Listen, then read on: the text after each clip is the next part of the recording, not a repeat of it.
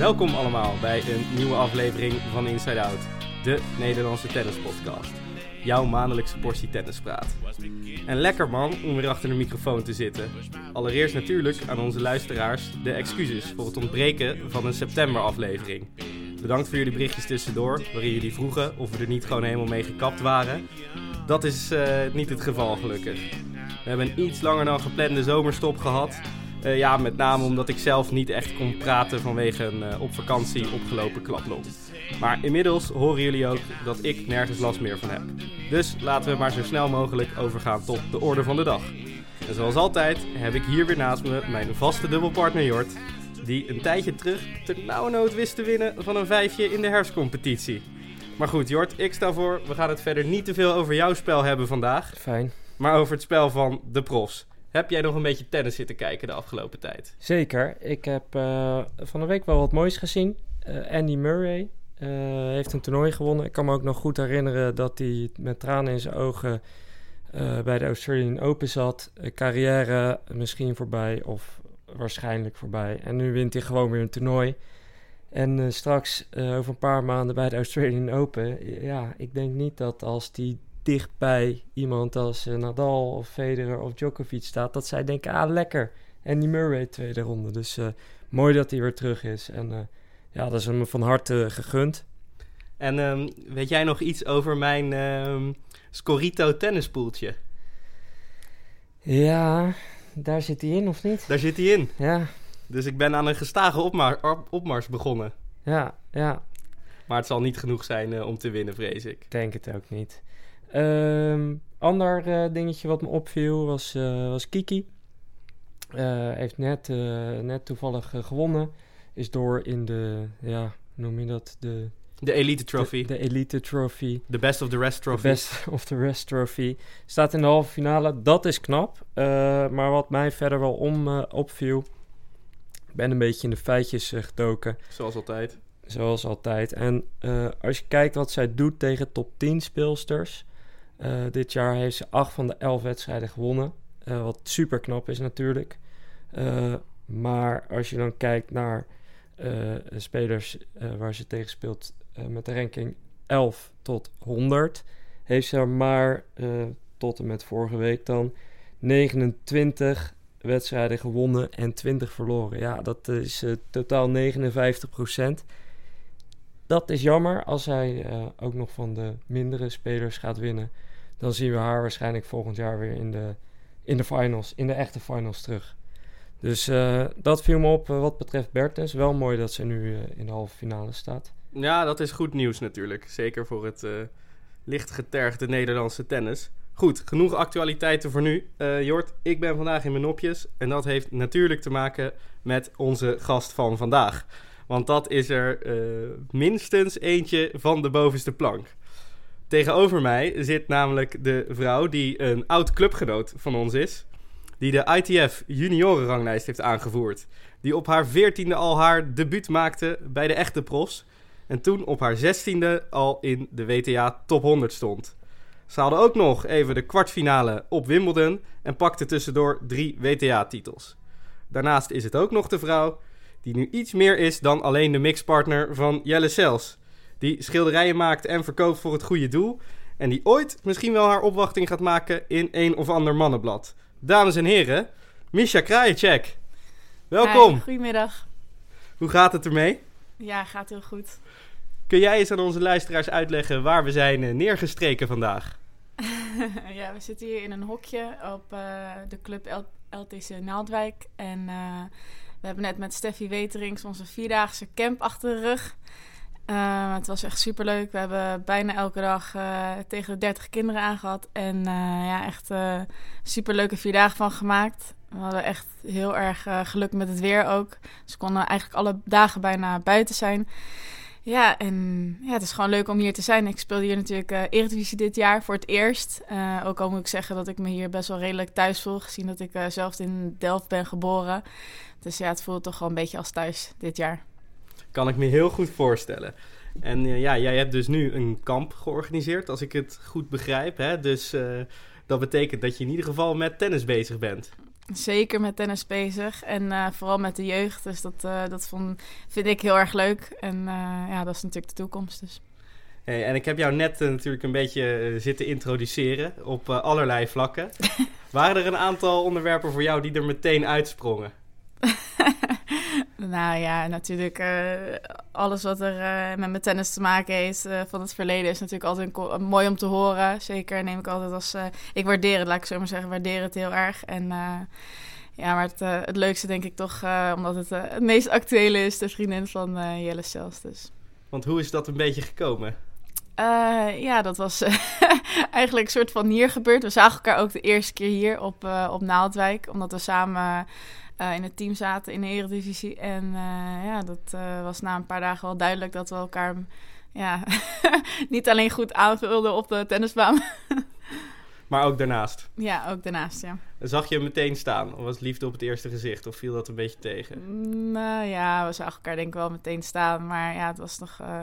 het begin was heel rustig. En daarna was het wel overduidelijk, dus...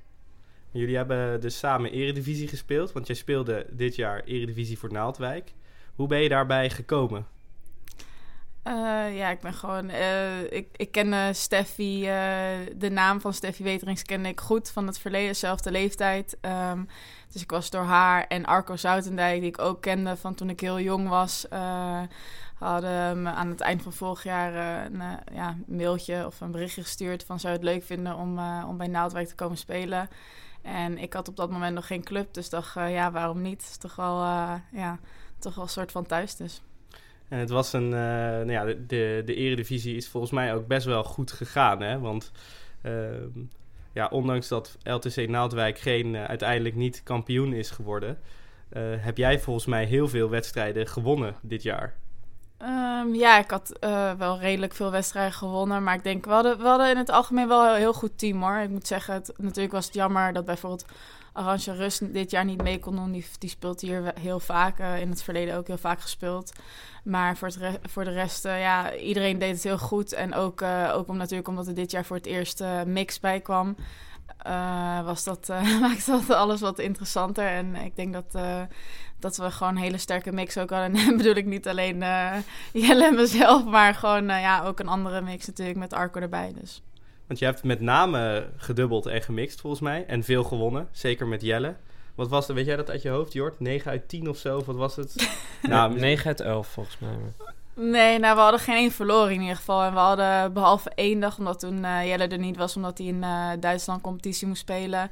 Uh, alle wedstrijden die we samen gespeeld hadden gewonnen. Dus, dus ja, dus ik denk 7 uit 7 of 8 uit 8. Ja, dus dat was wel... Dus met Jelle heb je eigenlijk nog nooit verloren? nee, nog nooit. nou ja, hopelijk kun je het volhouden en wordt het geen ruzie op de baan straks. Ja, als we het maar buiten de baan volhouden, vind ik wel prima. Ah, oké, oké. En um, je hebt natuurlijk ook wel gesingeld tijdens de competitie, toch? Ja, klopt. Ik had um, drie singlewedstrijden gespeeld. Um, daarvan eentje gewonnen en twee verloren helaas. Wat ik dan merk hè, als ik dat vraag, is dat je gaat eigenlijk altijd wel meteen in op of je hem gewonnen of verloren hebt. Tuurlijk, daar gaat het om. Ja, oké. Okay. Is, dat nog, is dat nog steeds wel hoe je naar wedstrijden kijkt? Ook als je ja, eredivisie in Nederland speelt? Nou, jawel, natuurlijk. Ik bedoel, zelfs met de dubbel en de mix zou ik daar wel over beginnen gelijk. Uh, ja, daar, ja, daar gaat het uiteindelijk om gewoon winnen, verliezen. Maar ja, het is ook belangrijk als je, of je natuurlijk een goede wedstrijd hebt gespeeld, dat kan dat. Maar dat de keren dat ik een goede wedstrijd heb gespeeld en heb verloren, zijn niet, niet heel veel. Of dan vind ik altijd wel wat, uh, wat beter had gekund. Dus. Ja, nee, dat kan ik me ook wel goed voorstellen. Oké, okay, even tussendoor, quizvraagje. Okay. Op tennisgebied. Oké, ik ben bang. ja, ja, ik ben benieuwd of je hem weet. Weet jij wie de eerste speelster was die ooit op de Tour een challenge aanvroeg? Een challenge aanvroeg? Ja. Ja, een Hawkeye challenge. Ja, precies. Ja. ja. dat was ik. Ja, dat, ja, dat was jij, hè? ja, tuurlijk. dat weet ik wel. ja, dat is echt een top, uh, top fact soort van uh, over jou, hè? Oh ja. Weet ja, je dat moment was... nog?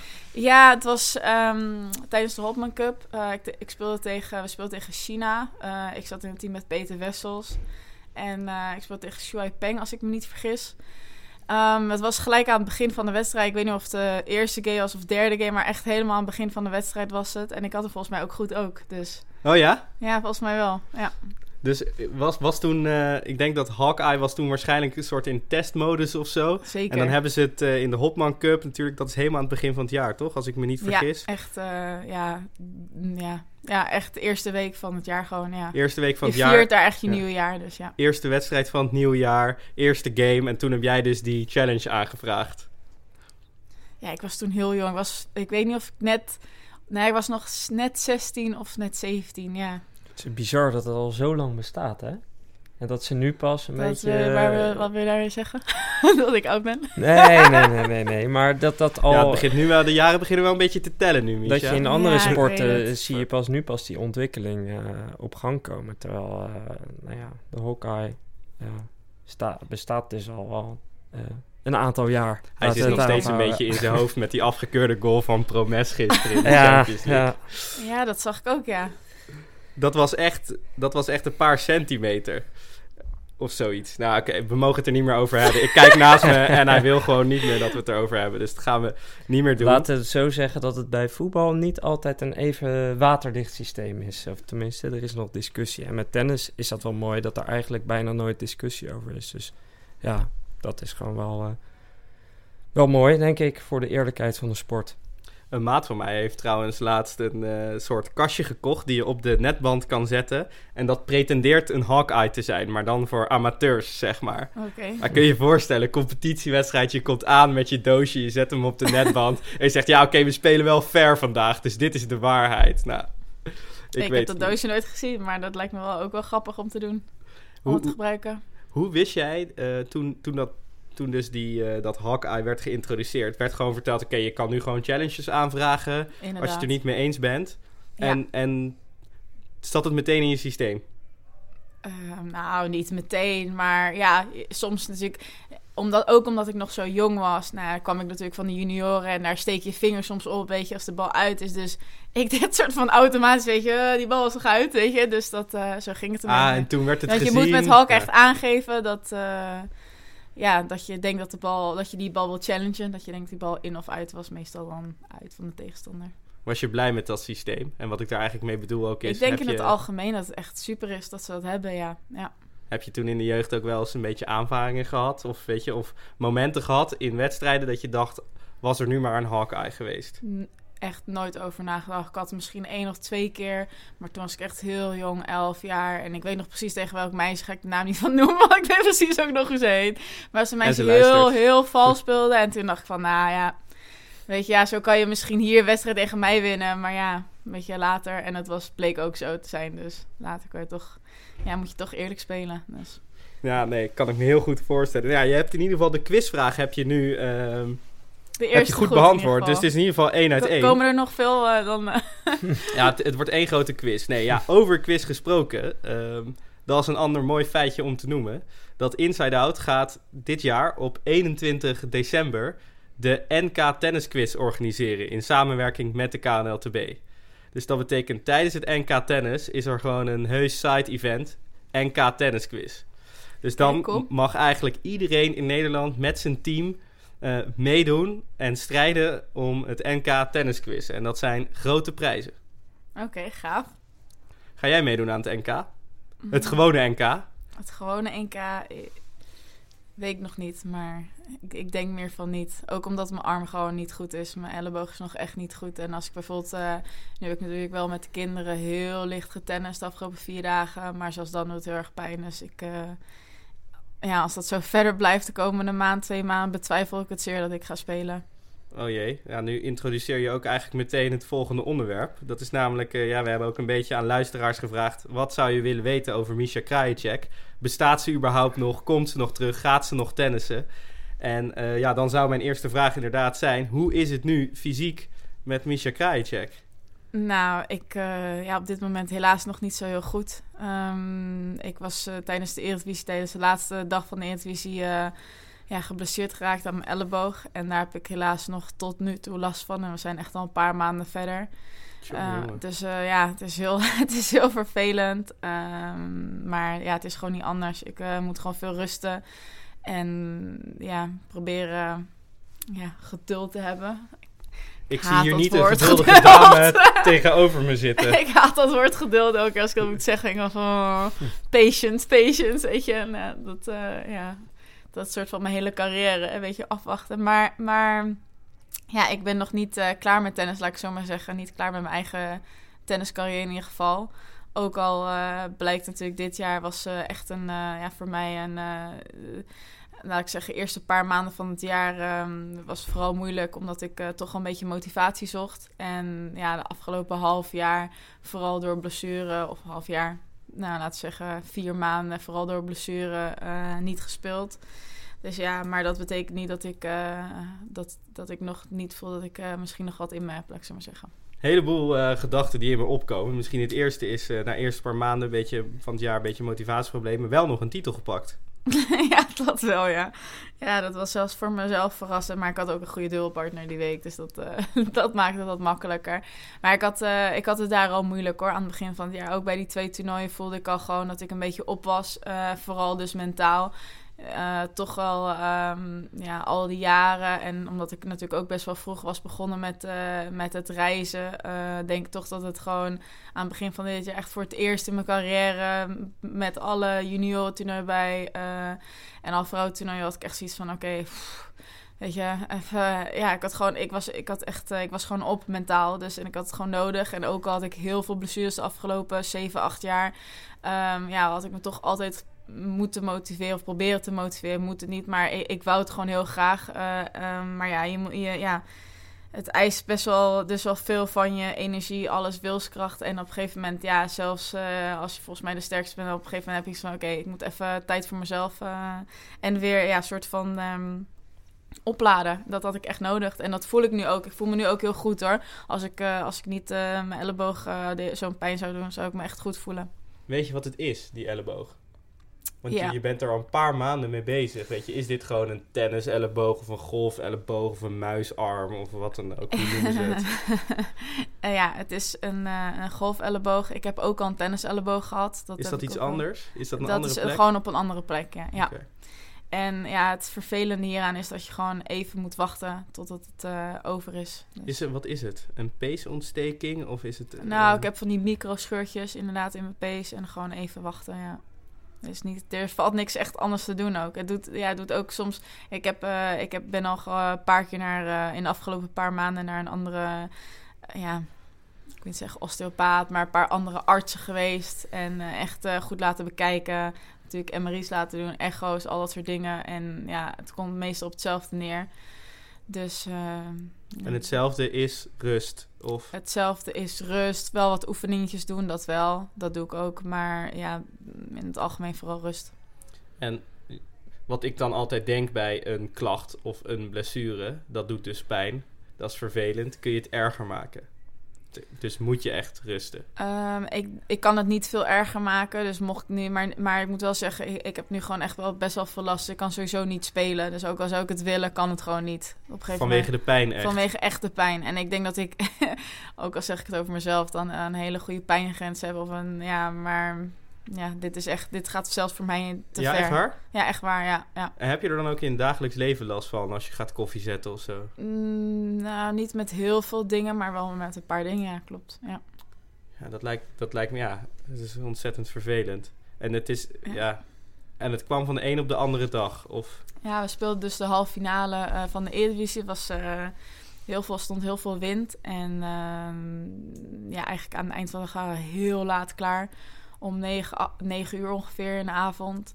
En ik voelde niks die dag. En de volgende dag, 's ochtends, werd ik wakker. Maar omdat het zo'n lange dag was. En weet je, ik had al twee weken tennis eh, achter de rug. En toch al, ja, met, eh, ja, toch al met inspanning. Dus ik dacht van, nou oké, dat zou wel gewoon spierpijn zijn. Weet je, ik voelde vooral mijn voorarm. En ik dacht, nou, het zal wel spierpijn zijn.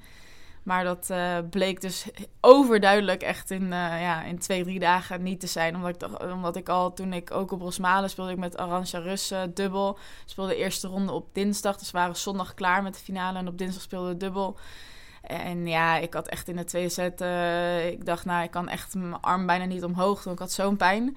Dus ja, ik had de wedstrijd wel uitgespeeld, maar dat was ook echt mijn laatste wedstrijd die ik had gespeeld. En de laatste keer dat ik echt vol op had getraind, nou, moet Dat je is je echt voorstellen. lang geleden al. Ja. Ik bedoel, het is nu eh, oktober. Eh, Wanneer speel je die eredivisie? In het voorjaar? Een beetje in Ja. begin van de zomer. Het ging eh, één of twee keer wat beter, maar was nog niet 100%. Dus moest daarna gelijk weer stoppen. Maar dat, het- ik heb ook, eh, ik ken wel wat mensen die dat ook hebben gehad. En die zeiden gewoon dat ze er ook wel, eh, ja, zeven maanden mee zaten, negen maanden mee zaten, twaalf maanden. Sommige, bij sommigen is het ook niet heel snel eh, verbeterd. Of bij me meesten is het niet heel snel verbeterd. Dus ik zou gewoon heel erg geduld moeten hebben. Het is gewoon niet anders. Het lijkt me Mijn vreselijk, woord, maar- geduld. Ja, het, is, het, het klinkt gewoon als een hele vervelende blessure die dan ineens komt. Ja. Aan de andere kant, aan mentale motivatie ontbreekt het nu dus in ieder geval niet. Als ik het zo begrijp. Nou ja, kijk, ik probeer mezelf gewoon fit te houden met andere dingetjes. Ehm, maar bijvoorbeeld nu de laatste vier dagen eh, vond ik het toch wel leuk weer om op de tennisbaan te staan. Ook al is het maar ballen aangeven, weet je. Het is gewoon, eh, ja, natuurlijk mis ik het wel. Maar ik, mm, laat ik zo zeggen, ik mis ook sommige dingen niet hoor. Dus eh, er is ook nog wel iets positiefs te vinden aan het feit dat ik nu geen toernooien speel. Dat kan ik Voor me mezelf, voor mezelf Nee, natuurlijk, ja. voor jezelf, dat Ja. snap ik. En ehm, oh, ik had iets heel slims bedacht, maar ik ben het even vergeten. Ja, ik praat ook zoveel, dus Gaat is het, niet nu, anders. gaat het nu wel beter dan een paar maanden terug? Of eh, gaat het nog steeds even goed of even slecht met je arm? Eh, ik zou zeggen dat het helaas niet veel beter gaat eigenlijk. Dat was heel even dat het wat beter ging voor mijn gevoel. Maar dat is helaas niet meer zo. Ooit overwogen om er gewoon een spuit in te zetten en wel te gaan tennissen. Nou, dat heeft niet echt veel zin. Dat heb ik ook nooit met mijn knie gedaan. Daar heb ik in het verleden zoveel eh, last van gehad. Natuurlijk met al mijn zes knieoperaties die ik achter de rug heb. Ehm, ja, dat is echt een op, ja, dat is echt maar voor een dag, weet je. Als ik ergens in de halve finale stond van een uh, groot toernooi een Grand Slam, ja, dan zou ik zeggen van, nou, doe maar, weet je. Dat is een van de weinige momenten dat je zo'n beslissing waarschijnlijk maakt, vind ik tenminste, of moet, ja, zou moeten maken. Anders, ja, is het is geen, eh, niet iets voor de lange termijn. Dus. Nee, snap ik. Ehm, stel hè, je, kijk, je, ben- je kan nu jezelf fit houden. Want dat is op Instagram ook goed te volgen. Je bent vaak in Saints and Stars te vinden. Even een name dropje. Ik weet niet wat het is. Ja, dat is heel leuk. Ik heb gewoon een gym gevonden. Ik, ik ben echt niet iemand van om... Nee, ik heb natuurlijk mijn hele leven dat wel gedaan hoor. Maar ik dacht, ik ga even een gym vinden waar niet mensen naar je kijken, weet je. Dat vinden jullie mannen natuurlijk waarschijnlijk wel leuk om naar elkaar te kijken of naar vrouwen te kijken als je in een gym zit. Maar ik, zit niet van... per se naar heel veel andere mannen te kijken. Dat geef ik eerlijk Nee, maar daarom zei ik naar andere vrouwen dan. Maar ik ging echt naar deze gym en ik dacht zo van, ik ga echt een gym vinden waar niemand echt op elkaar let, weet je. En dit, dit is dus een gym waar ze een soort van twee, twee, tw- zo, twee, workout, eh, twee workouts hebben. En één is ehm, hardlopen en oefeningen en de andere is boksen en oefeningen. Ehm, en het is donker. Het is een soort van een, ja, een soort van halve discotheek. Dus het, het is gewoon ja, leuke lichtjes, muziek hardop. En, Maar in ja. een discotheek kijk je ook naar elkaar. Hè? Ik weet niet of je wel... Ik ga niet zoveel, maar... maar ja, daar ben je toch ook voor jezelf mee aan het oefenen of dansen dan. Of nou ja, oké. Ja, misschien jullie mannen niet, ik niet. Oké, Heerlijk, ander oké. onderwerp. Maar, maar in ieder geval, de gym is leuk. Dus dit is gewoon een leuke gym die een beetje lijkt op een discotheek. ja, En ja. hij zit in Amsterdam. Ja, en, maar de workouts zijn echt... eh, je moet... Nou, je moet... Ik wil niet over mezelf zeggen dat ik super fit ben, maar je moet wel een beetje fitter zijn. Anders ja, zijn die workouts niet leuk, denk ik. Vind je ons niet fit? Nee, ik heb het ook, ook niet over jullie, maar ik zeg het in het algemeen gewoon. Maar er zijn ook niet heel veel mannen. Dat, dat vind ik ook wel fijn, eerlijk gezegd. Want het is, meestal zijn het ja, toch al 70% vrouwen. Dus ik denk dat ik niet de enige vrouw ben die dat gevoel heeft als je naar zo'n gym gaat, weet je. Wat denk jij, Jort? 70% vrouwen, disco-sfeertje. Oh Ja. god, echt. Als ik naar de gym ga, Tim, dan kom ik gewoon voor mezelf om zelf te trainen. Ah, oké, Ik- ik- heel goed. Tenminste, ik Oh. hou er niet zo van om naar de gym te gaan. Ik vind het veel leuker om een spel met een, eh, met een, met een tennisracket of met een bal te doen of eh, te padellen of wat dan ook. Dit gaat echt de Dus, verkeerde kant eh, op. Maar Ah, dit, dit kan allemaal nog prima. Eh, je, ik hoorde je net zeggen... ehm, ik heb twee vragen. Ik zit even te denken. Eerste vraag is... Je, tennis nu een tijdje niet. Je hebt wel motivatie. Je houdt jezelf fit in de gym. Is jouw ervaring dan dat als je een racket oppakt... dat je niet zo lang nodig hebt om weer echt in vorm te komen? Moet je nog veel forehands, backhand services slaan... om ze weer goed te raken? ehm, nee, dit gaat heel arrogant klinken, maar ik denk niet veel op, op, het, eh, ja, op het gebied van gevoel. Ik denk dat ik dat gewoon wel, dat laat ik zo maar zeggen, dat verlies je echt niet. Maar ja, om dan weer op een bepaald niveau te komen, daar waar je weer tevreden mee bent. En ja, wedstrijdfit worden is ook weer anders. Dan weer de concentratie is dan, weet je, na zo'n paar maanden is dat ook weer heel anders. Dan moet je even, ja, gewoon... Het gevoel is denk ik het minste waar ik me druk om maak, laat ik zo maar zeggen. Er zijn natuurlijk ook voorbeelden van vrouwen die er lang uit zijn geweest, die weer heel succesvol terugkwamen. Kijk naar Serena Williams, zanger geweest. Nou, weer gewoon uh, top 10. Uh, Kim Kleisters heeft de comeback aangekondigd. Die is er iets langer uit geweest. Uh, ja, dat moet je denk ik ook wel hoop geven, denk ik. Oh, ik mag in dat rijtje van Serena Williams en Kim ah. oké. Wat mij betreft wel. Wat vind jij van de nou, comeback van Kim Kleisters? Dat vind ik echt niet. Hoe kijk je naar zo'n nieuwsbericht? Kim Kleisters zegt, ik kom terug. Uh, voor mij, ja, ik bedoel dit helemaal niet negatief, maar het is voor mij heel verrassend voor iemand die zoveel heeft bereikt. En uh, ik ken haar niet goed, maar ik zou zeggen een succesvolle uh, succesvol huwelijk en uh, kinderen en familie heeft en een uh, ja, eigen academy. Ik weet niet van alles en nog wat, dat je dan ja, de motivatie nog steeds hebt. Of ik weet niet precies wat het is, wat, wat ze wil bereiken hiermee. Maar ja, dat je dat dan nog terugkomen. Ja, ik vind, ik vind sowieso stoppen en dan weer terugkomen. Als het niet door een blessure komt, vind ik gewoon apart. Kan gebeuren. Weet je, dat je opeens denkt van als je heel jong gestopt bent uh, bijvoorbeeld uh, die Tatjana Golovin, die komt ook nu terug. Kijk, dat vind ik heel, heel, denk ik dat het heel moeilijk zal zijn voor haar. Maar dat is een meisje die ook heel veel talent had toen ze jonger was. En, um, en nu terugkomt dat ze heel erg last van de, van de rug had. Dus ja, dat kan ik nog wel begrijpen. Weet je, dan, dan ben je al heel hoog geweest. En dan, ja, misschien wil je gewoon na een paar jaar dus weer proberen. Ik weet niet hoeveel jaar er bij haar tussen zat, maar het zou ook heel veel jaar zijn geweest. Dan kan ik het wat meer begrijpen. Maar bij ja, Kim, ja, misschien, uh, ja, once a winner, always a winner. Ik weet niet precies wat voor, uh, ja, wat voor motivatie of uh, satisfaction ze eruit haalt. Dus. Maar denk je dat zij weer, nou ja, laten we zeggen, van top 10 speelsters zou kunnen winnen als ze terugkomt? Ze denkt waarschijnlijk zelf van wel, anders gaat ze niet beginnen. Ja, maar ik denk het eerlijk gezegd ook wel. Het zou misschien niet zo heel snel gaan als de vorige keer. Want toen ging het echt binnen een paar maanden. Ja. Won ze de US Open. Nou, het kan gebeuren, maar daar zou ik niet op, ja, zou ik niet op, gokken. Maar ik denk dat ze wel na een half jaar, jaar gewoon sowieso in de top 100 staat. En dan ja, verder kijken. Ik, denk, ik weet zeker dat dat niet haar doel is. Maar dat denk ik wel dat sowieso uh, ja, dat ze dat gaat halen. Maar bijvoorbeeld ook Azarenka, die voor mij een hele goede speelster is. Die, uh, ja, het gaat ook niet zo heel makkelijk allemaal, alle toernooien. En het is, het is ook heel moeilijk. Er zijn heel veel nieuwe meiden in de afgelopen jaren bijgekomen. En uh, ja, het is gewoon veel breder geworden. De, de, wat je ook net zei, de statistieken met Kiki. Het is super knap dat ze van mij in de top 10 kan winnen. Maar ik, het, ik vind het geen schande als je van een meisje die 50, 60, 70, 80 zelfs, 100 zelfs verliest. Weet je, want op, op, ja, je kan ook niet zelf 100% elke dag zijn. En sommige dagen kan dat andere meisje die net ook in de top 100 staat, die ook heel hard werkt en gewoon daar staat voor een reden, kan net zo goed van je winnen. Dus het verbaast me niks. Ja, ik denk ook dat Kim wel de top 100 kan halen, maar dat ze niet meer zo ver komt als ze misschien denkt de top 10 of uh, kwartfinale Grand Slam. Ik denk dat ze dat niet meer gaat halen, omdat het ook wat harder gaat. En misschien ja, gaat het nu dan net even te hard voor. Dus hij is natuurlijk ook een jaartje ouder. Uh, dus ik, heb met twijfels. Ik denk als zij niet verder komt dan zeg plek 80 op de wereldlanglijst, dat ze er gewoon weer mee stopt. Want dit is niet iemand die dan nog drie jaar op plek 80, denk ik, gaat staan. Nee, dat denk ik ook niet. Dat is al dat reizen en een heel gezin is het waarschijnlijk niet waard, denk ik.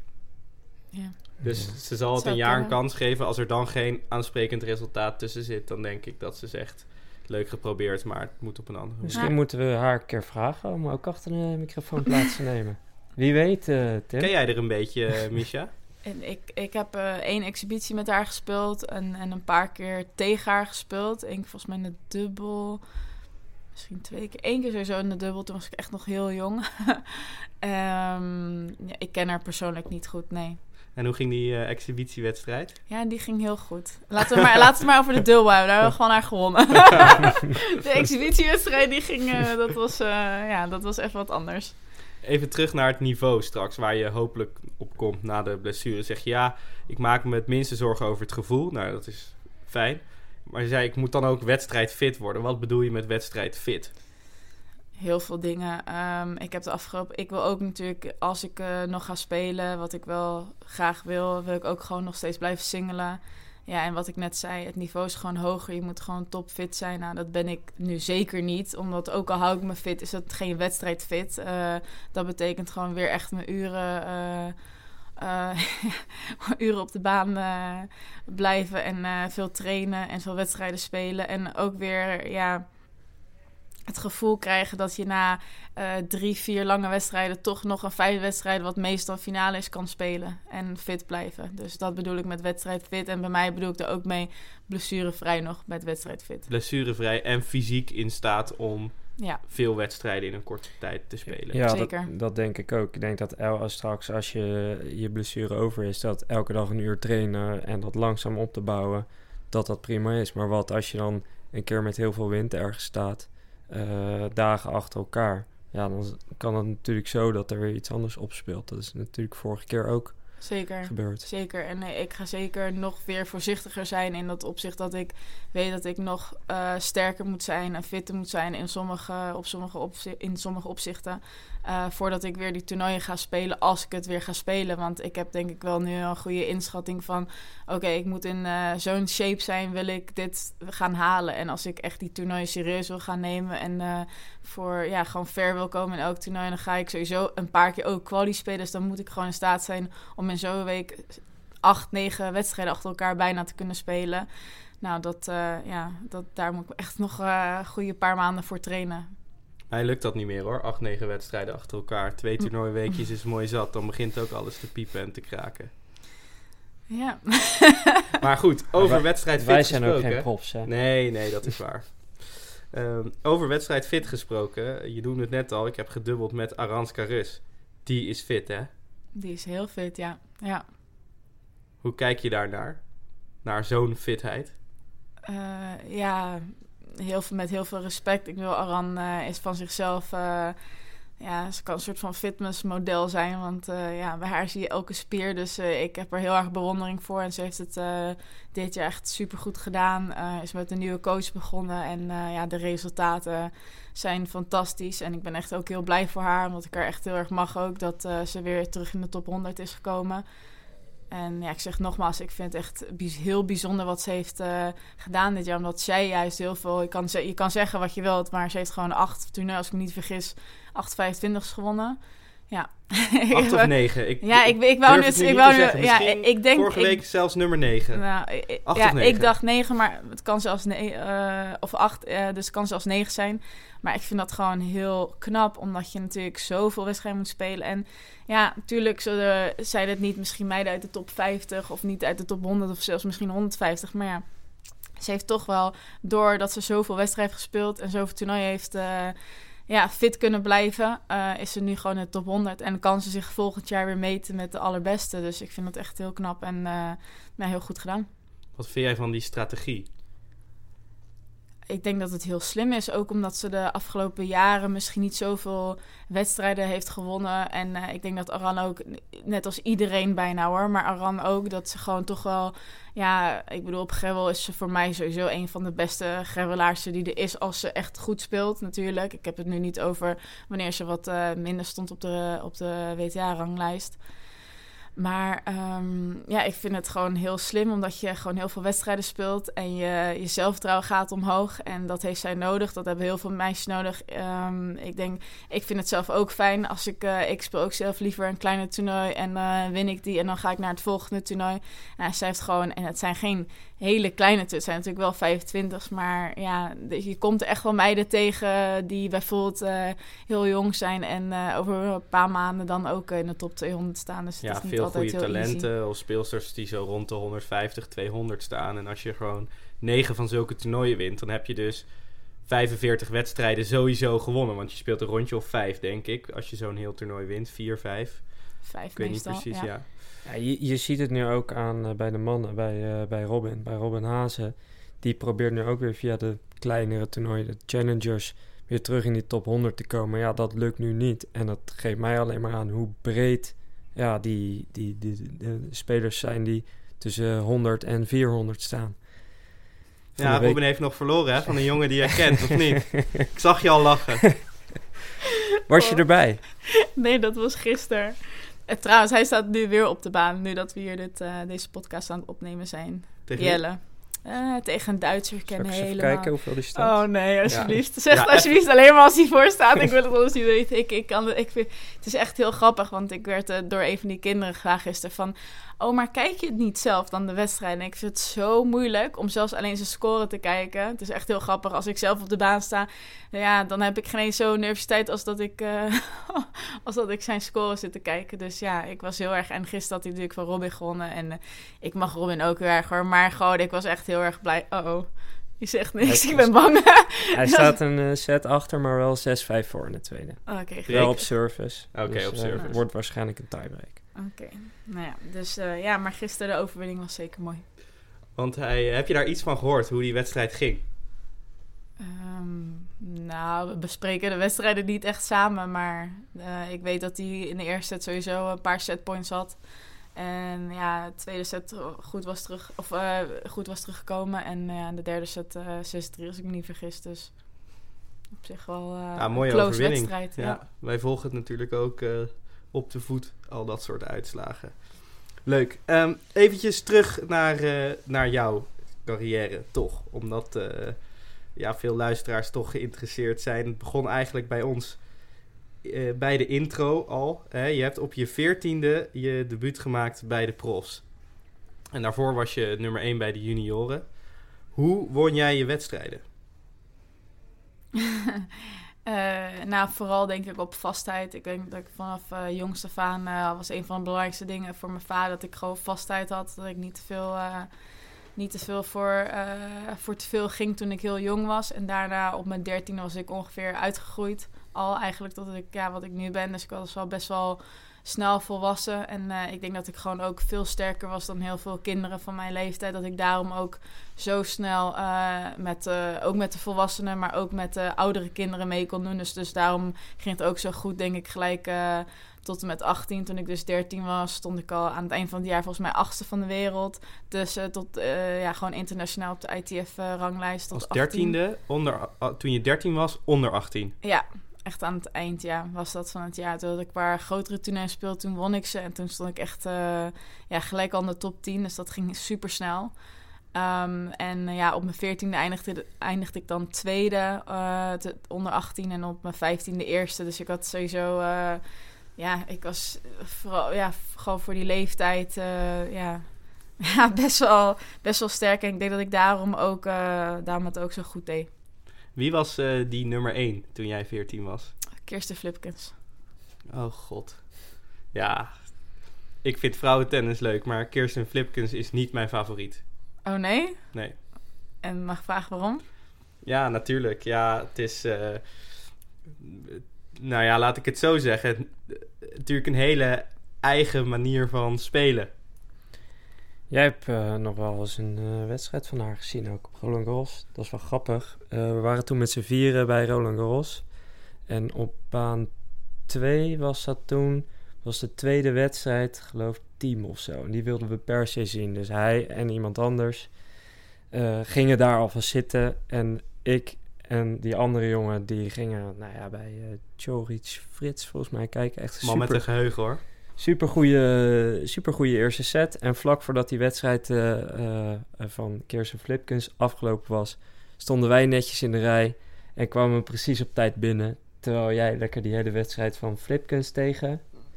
Uh, Alizé Cornet. Ja. Oh, nou, als we het over hebben, over speelsters waar ik dan niet graag naar kijk, dan is dat er wel een van. Nou, ik vind Kirsten Flipkens echt... Uh, ik, nou ja, ik mag er ook wel, maar ik vind haar gewoon ook een leuk meisje om naar te kijken. Ik vind juist het feit hoe zij, hoe zij speelt, vind ik juist interessant.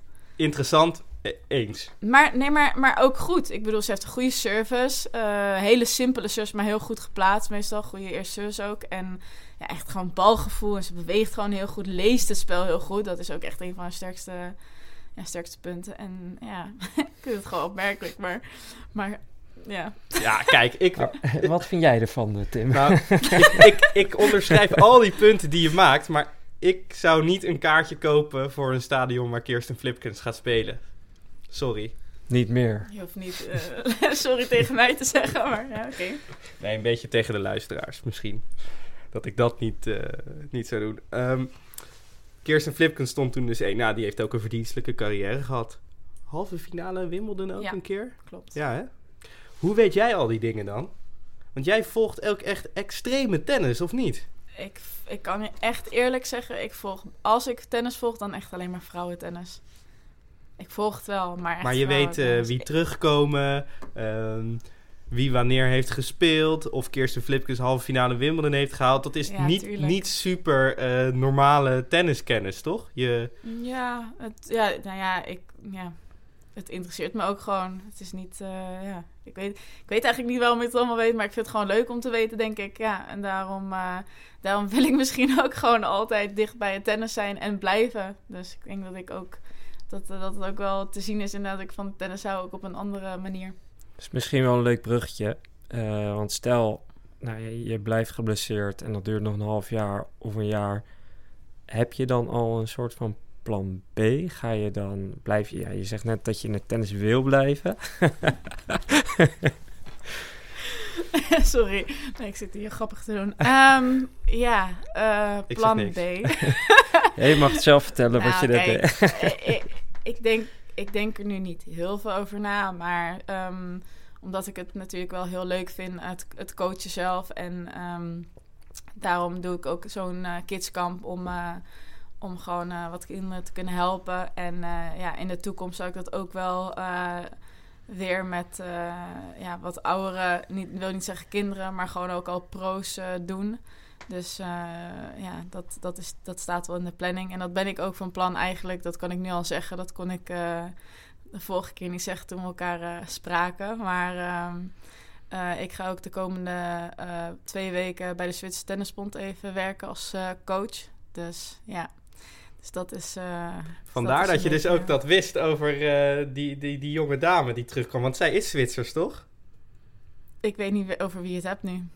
Ja, ik dacht Ja. dat je... hoe- heet ze? Je zei net Golubin, toch? Golubic. Go, ja, Golubic. Die is oh, Zwitsers, nee, nee. toch? Oh nee, nee, ik zei, no, oh nee, ik zei Golovin, maar die is Frans. Oh, die is Frans. Oh, nee, dan heb ik het helemaal verkeerd. Maar ik ben gewoon een beetje, dus eigenlijk ben ik gewoon een beetje een tennisnerd, maar ja, dat wist ik al eigenlijk al mezelf. Maar ja, ja. Maar dan echt vrouwentennis, ja, het is heel grappig. Want ik vind, ik heb heel erg veel respect voor mannentennis en vind het soms, soms leuk om te kijken, maar ik kijk echt niks spelen. Ik kijk alleen maar, echt serieus, kijk alleen maar vrouwentennis. Terwijl, ja, sommige mensen zeggen van, ja, ik vind mannentennis echt leuk. Ja, vrouwentennis, ja, naar jullie kijken is ook wel leuk, maar dan anders, weet je. Ik echt oh, lekker. Maar ja. Ja, precies de reden waarom jij in een donkere gym staat. Even Precies. terug naar de Zwitserse Tennisbond. Dat is een interessant stapje. Ja, dat is. eh, ja, ik ben er al eh, een paar weken geleden geweest. ehm, voor een proefje. En nu kom ik weer terug voor een paar weken. Dus En wat ga je daar precies doen? eh, ik ga daar met eh, alle meiden die. eh, eigenlijk alle pro-meiden die daar spelen, ga ik werken. Dus ik wou nu zeggen, qua ranking ongeveer tussen de 100 zitten ze misschien 80 en eh 1000. Dus het is een hele. ja, Ja, maar niet Belinda Bencic bijvoorbeeld. Bencic niet, maar die heeft haar eigen team. Maar de meiden die daar komen trainen, bijvoorbeeld dus Golubic of andere meiden, maar die, is net, eh, die heeft net een operatie gehad. Ehm, of, on- of andere meiden, die, ehm, ja, die ga ik, eh, die ga ik eh, wat tips geven en helpen. Dus. Gaaf. Ja, ik zat al eventjes heel even te denken. Je hebt natuurlijk Bencic. Die staat 8, geloof ik, nu. Ja. En dan is er dus een tijdje niks. Begrijp ik dat goed? Of? Nee, nou ja, die Golubic staat top 100. Ehm, ze hadden natuurlijk Baczynski, die stond ook top 10. Ehm, ja, ze hebben wel een paar, omdat ik al een paar weken geleden ben geweest, ze hebben een paar echt eh, goede meiden. Eh, sowieso één, twee meiden nu die ik uit mijn hoofd weet, die, die ik denk die echt sowieso top 100 zullen zijn. Eén ervan denk ik wel heel veel hoger dan dat. Ehm, ja, dus daar, eh, daar mag ik ehm, mag mee aan de slag. Dus dat vind ik wel heel gaaf. Eh, en, eh, echt een nieuwe uitdaging. Nou, daar gaan we jou natuurlijk mee feliciteren. Maar aan de andere kant denk ik natuurlijk ook... Potverdorie. Hadden we Misha niet kunnen houden bij de Nederlandse Tennisbond?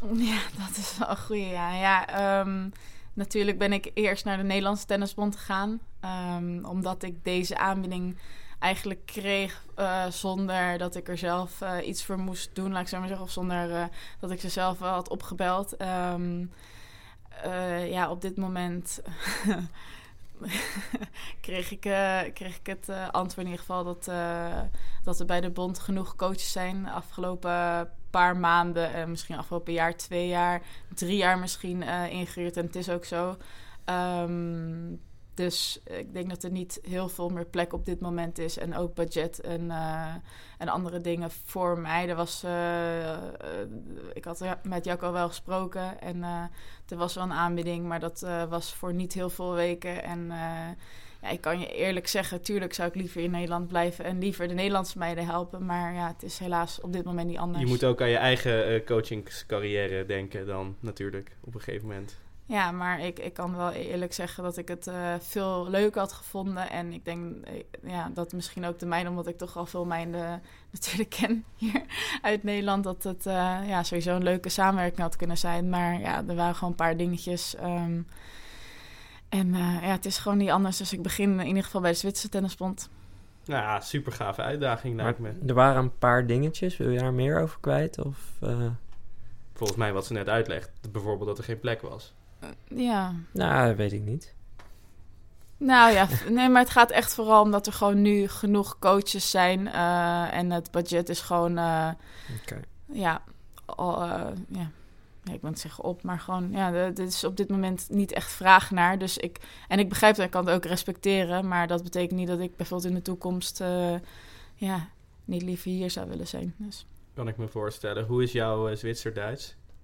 Eh, ik, kan nu één ding zeggen, het is niet mijn favoriet. Ik versta het wel een beetje, maar ja. Het is sowieso beter dan mijn Zwitser-Frans of mijn Zwitser-Italiaans, of hoe je dat ook, eh, hoe ik dat ook moet noemen. Ja, dat is echt, eh, ja, ik moet wel een beetje Frans gaan leren, dat wel. Maar gelukkig kan ik Engels en ik versta Duits. Ik spreek ook Duits hoor, heel, heel matig, maar ik spreek het wel. Dus. Waarschijnlijk komt het vanzelf. Het ligt natuurlijk niet... ja, eh, maar het ligt het misschien een komt sowieso beetje- niet vanzelf. Dat is echt niet mijn ligt eh, het taal. ergens tussen Nederlands en Tsjechisch in misschien? Als je dat een beetje mixt. Of werkt het niet zo? Nee, ik denk dat dat nergens tussen ligt. Hm, Helaas. Ja, to- toch wil ik er nog even op terugkomen. Want je hebt ja, een, eh, een bijzondere carrière gehad. Vroeg aan de top geweest. Veel blessures gehad. Veel kennis, denk ik. En ik denk dat dat toch wel een kans is voor de KNLTB om jou bij het team te halen. Volgens mij zijn er ook niet super veel vrouwelijke coaches bij de KNLTB eh, in dienst. Tenminste, ik kan ze nu even niet noemen. Eh, ja, dus als ik dan toch een kritische kanttekening richting de KNTB mag maken, dan ja, vind ik dit in ieder geval wel jammer. Maar goed, dat, eh, dat terzijde. Ik vind het zelf ook heel jammer. En, eh, maar ik zeg nogmaals, ik kan het ook wel respecteren dat het op dit moment misschien ook eh, eh, voor hun een beetje een spannende keuze is. Omdat ze ook niet wisten of ik verder zou gaan of niet. En een paar andere. Ik kan het ook wel begrijpen dat, het, ja, dat, dat ze die keuze misschien nog niet willen maken. Gezien dat ze ja, even willen zien hoe dat wel verder gaat. Maar ehm, met mijn eigen carrière. Maar ja, ik stelde me natuurlijk wel. ehm, ja, ik, ik zei gewoon van ja, ik vind, het, ik vind het prima om het een paar weken te doen. Maar ik begrijp het ook dat, eh, dat misschien eh, dat niet het, het eh, ja, hoe zou ik het zeggen? Het, het, ik zit, sorry, ik zit echt mijn woorden te zoeken. Maar ehm, ja, niet misschien wat ze, wat ze bij de KNTB zoeken, laat ik het zo maar zeggen. Dat het doel. eh, ik, ik kan het ook echt begrijpen hoor. Dat, dat je gewoon. eh, dat de spelers er willen komen en de zekerheid willen hebben van een paar coaches. Eh, ik denk ook voor de toekomst dat het heel belangrijk is, ook voor de KNTB. En om een paar vrouwelijke coaches erbij te hebben. Ook al mocht ik het zelf niet zijn, misschien iemand anders. Zijn er Ze- vrouwelijke coaches nu Ze bij de hebben op dit KNLTB? moment eh, als reizende coach of een paar weken eh, als coach hebben ze Elise Tamaela. Die soms nu met Kiki Bertens meereist. Maar volgens mij eh, staat ze ook onder contract bij de KNTB Hm. voor een aantal weken. Ehm, en dat, als ik me niet vergis, dat is het. Ja. Ja, misschien moeten we het eh, Jacco een keer vragen in de podcast. Ja, dat, die, zou mooi eh, zijn. Ik ben wel benieuwd naar het, eh, Naar de, naar de andere, ja. het genderbeleid. Nee, ja, ik weet niet of dat ermee te maken heeft. Maar ehm, weet jij dat trouwens? Want ik, ik weet dat op het eh, tenniscentrum Daar heb ik wel bijvoorbeeld best wel veel jongensgroepen gezien, zal ik maar zeggen. Hè? Bijvoorbeeld, nou ja, Jelle traint daar ook. Zijn er ook groepen met talentvolle meiden daar ook fulltime aan het trainen? Want toen ik daar was, zag ik alleen maar jongens.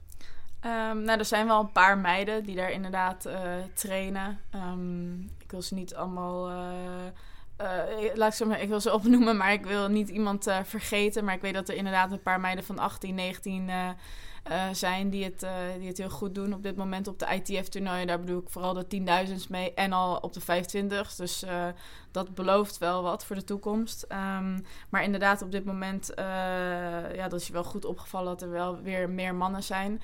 Maar ik denk dat er ook wel eh, een paar goede meiden aankomen. Dus ik denk zeker dat. eh, ja, dat en, en daar wordt ook goed mee gewerkt hoor, wat ik weet. Dus er wordt ook. ze hebben een eigen coach meestal die meereist. Dus dat is, zijn goed verzorgd. Heb jij wel eens een vrouwelijke coach gehad? Ehm, nee, ik heb geen vrouwelijke coach gehad, nee. Dus het is geen voorwaarde voor een vrouw om succesvol te zijn. Oh nee, zeker niet. Nee, ik denk gewoon dat het bij sommige meiden misschien wat makkelijker kan zijn om met een vrouwelijke coach te reizen. Maar ehm, eh, ja, het is, het is sowieso geen must. Nee, het is niet dat, dat het echt moet. Om, eh, Ken jij een goede vrouwelijke coach? Ik wel. Ik ken er wel eentje. Ja, dan vraag je me wat. Vertel, eh, Tim. Morris Mo, toch? Die heeft toch een tijdje gecoacht. En zelfs als vrouw ook mannen gecoacht. ik ken wel een paar goede dus vrouwelijke Murray- coaches Murray hoor. Oké, dit was even het enige maar wat, eh, wat mij even te Maar binnen schoot. Maresmo inderdaad was opmerkelijk ook omdat ze vooral opmerkelijk omdat ze met een man ging reizen. Dat vind ik, dat vind ik Ja. wel iets. Want ik zou zelf bijvoorbeeld, ook nu bij de Zwitserse Tennisbond, ik heb het zelf ook aangegeven dat ik het veel fijner vind om alleen maar met meiden of vrouwen te werken. Omdat ik het gevoel heb dat ik natuurlijk, eh, nou ja, weet je, eh, ik heb het eh 15 jaar heb ik op de tour gezeten. En eh, ja, ik, ik denk dat ik daar wel veel meer verstand van heb. Ook omdat ik dus bijvoorbeeld dus alleen maar bijna vrouwentennis eh kijk. En dat soort ik, ja, ik denk dat ik het gewoon weer beter aanvoel. qua tactiek, technisch waarschijnlijk ook. En ehm, ja, we zullen zien of ik het ook over kan brengen naar zo'n meid. Maar ja, vind ik veel makkelijker dan eh, met een man. Ja, En- is- Misschien zouden mannen, sorry dat ik het nog zeg, maar misschien zouden mannen juist zeggen van ja, met ons is het veel makkelijker. Maar ik heb voor, daarom zeg ik, ik heb voor mannentennis heel veel respect. Maar ik zou persoonlijk niet met een man hoeven werken of willen werken. Ik heb het liever met net een eh, vrouw, omdat ik toch denk dat ik er veel meer ehm, ja, eh, Ligt gewoon dichterbij je. informatie Dus ja, kan geven. Ja. ja. Ja, een vrouwelijke coach kan voor een vrouwelijke speelster natuurlijk, denk ik, veel beter inleven. eh, veel dichterbij, emotioneel en mentaal komen dan dat een man dat kan. Misschien dat een man ja, harder is of eh, iets in die trant of tactisch, technisch beter. Dat weet ik niet. Maar in ieder geval dat stuk is denk ik wel het voordeel van een vrouwelijke coach eh, met een vrouwelijke pupil hebben. Nou, je hebt ook tegen vrouwen gespeeld zelf. Dus je, ja, ik snap dat je daar gewoon een eh, betere band mee hebt. En dat het ook heel logisch is dat je dan aan hebt gegeven eh, om liever vrouwen te coachen. Ja. En je gaat dit nu dus twee weekjes doen in eerste instantie? Of is het een langere periode, maar komt het nu toevallig twee weken uit? Ehm, nou, er, er komen waarschijnlijk wel meer weken, maar het is nu dan twee weken. eh, eh, dan even een paar weken, of nou ja, één week pauze en dan weer een week. Dus En ga je dan, dan ben je in Zwitserland gestationeerd.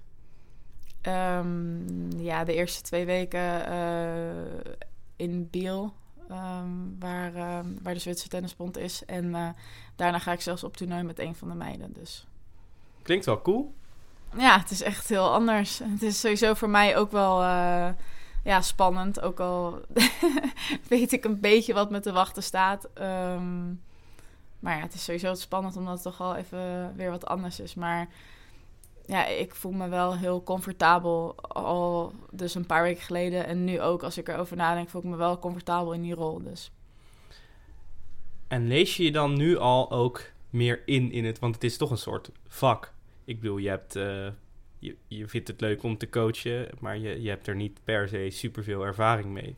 Heb je een boek gekocht of zo? Of probeer je nog iets bij te leren? Ik weet niet hoe je dat aanpakt, hè? Maar ja, weet je. Het, Ik, het- ik moet wel één ding zeggen, dat, dat is echt, eh, dat, dat weet ik sowieso. Het is echt helemaal geen garantie dat als iemand een, wil ik niet zeggen over mezelf dat ik een fantastisch speler ben geweest, maar als iemand een goede speler is geweest, dat hij een goede coach is. Ik heb dat zo vaak gezien dat het helemaal niet zo hoeft te zijn. Dus ik begrijp je vraag, maar ik heb sowieso geen, niet echt boeken gekocht om, om, te, om te kijken hoe ik dat eh, ga aanpakken. Maar ik probeer het ook nu op gevoel te doen. Ik kijk ook veel rond. Ik, eh, natuurlijk, ik ben niet iemand die, eh, die eh, bescheiden is om een paar extra vragen te stellen. Of eh, bescheiden is misschien eens, of eh, verlegen is. Dus, eh, dus ja, dus ik denk dat het wel gaat goed komen. Ehm, en dat ik die meiden wel echt eh, ja, eh, kan helpen. Dus. Dan zou het natuurlijk wel lekker zijn als je dan straks, als die elleboog voorbij is, dat je dan ook nog eventjes een racket zelf kan pakken. Ja, tuurlijk. Ja, zeker. Maar in het begin zal het dus vooral gaan om eh, ja, het, Ja. Het, zu- het zuivere coachen en wat minder het sparren. Ja, zeker. Ja, klinkt als een goed toekomstplan. hey, ik stel voor dat wij gewoon eh, lekker gaan afronden vandaag. We hebben hele mooie onderwerpen besproken.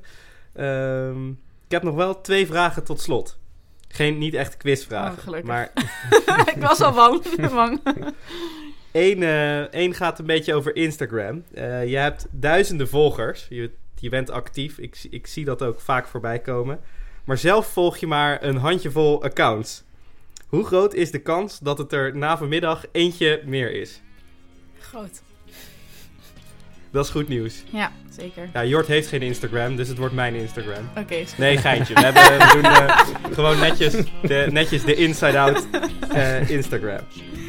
Ehm, En de tweede vraag? nou, daarnaast, eh, daarnaast vragen we natuurlijk altijd wie jij graag zou willen horen in de volgende aflevering van Inside Out. Dus heb jij nog een suggestie voor de volgende kandidaat voor de Inside Out Tennis Podcast? Ehm, ja, ik ga een heel saai antwoord geven. Ehm, ik zou toch wel graag eh, Kiki Bertens willen horen. Ehm, gezien dat zij eh, ja, voor mij misschien nog niet qua ranking, net als Betty Steuven, eh, als ik me niet vergis, die was hoger dan, eh, dan zij toch? Nummer 2 van de wereld. Ja, ik dacht ook in mijn hoofd 3-2 naar Anyway. Hoog, maar ja, in ieder geval, dus, eh, nou ja, Kiki is voor mij dan met alle respect naar Betty, want ik er echt mag. En het gaat echt heel erg klinken wat ik nu ga zeggen. Maar zou ik toch wel ja, de, voor mij de beste tennisser van Nederland of tennister van Nederland willen horen. En ja, dan stuur ik zelf misschien ook zelf een vraag eh, naar jullie toe. Om haar te vragen. Oké, nou ja, dan zullen wij wel even kritisch kijken of die vraag dan wel door de beugel kan voor de podcast. We weten natuurlijk nooit wat we gaan krijgen, maar ik, eh, ik kijk er in ieder geval eh, naar uit. En ik denk onze luisteraars ook. Dus die wil ik graag nog eventjes bedanken voor het luisteren naar deze podcast met Misha vanuit LTC Naaldwijk. Eh, mocht je nog ideeën of opmerkingen hebben, laat het dan zeker even weten. En voor nu, tot ziens.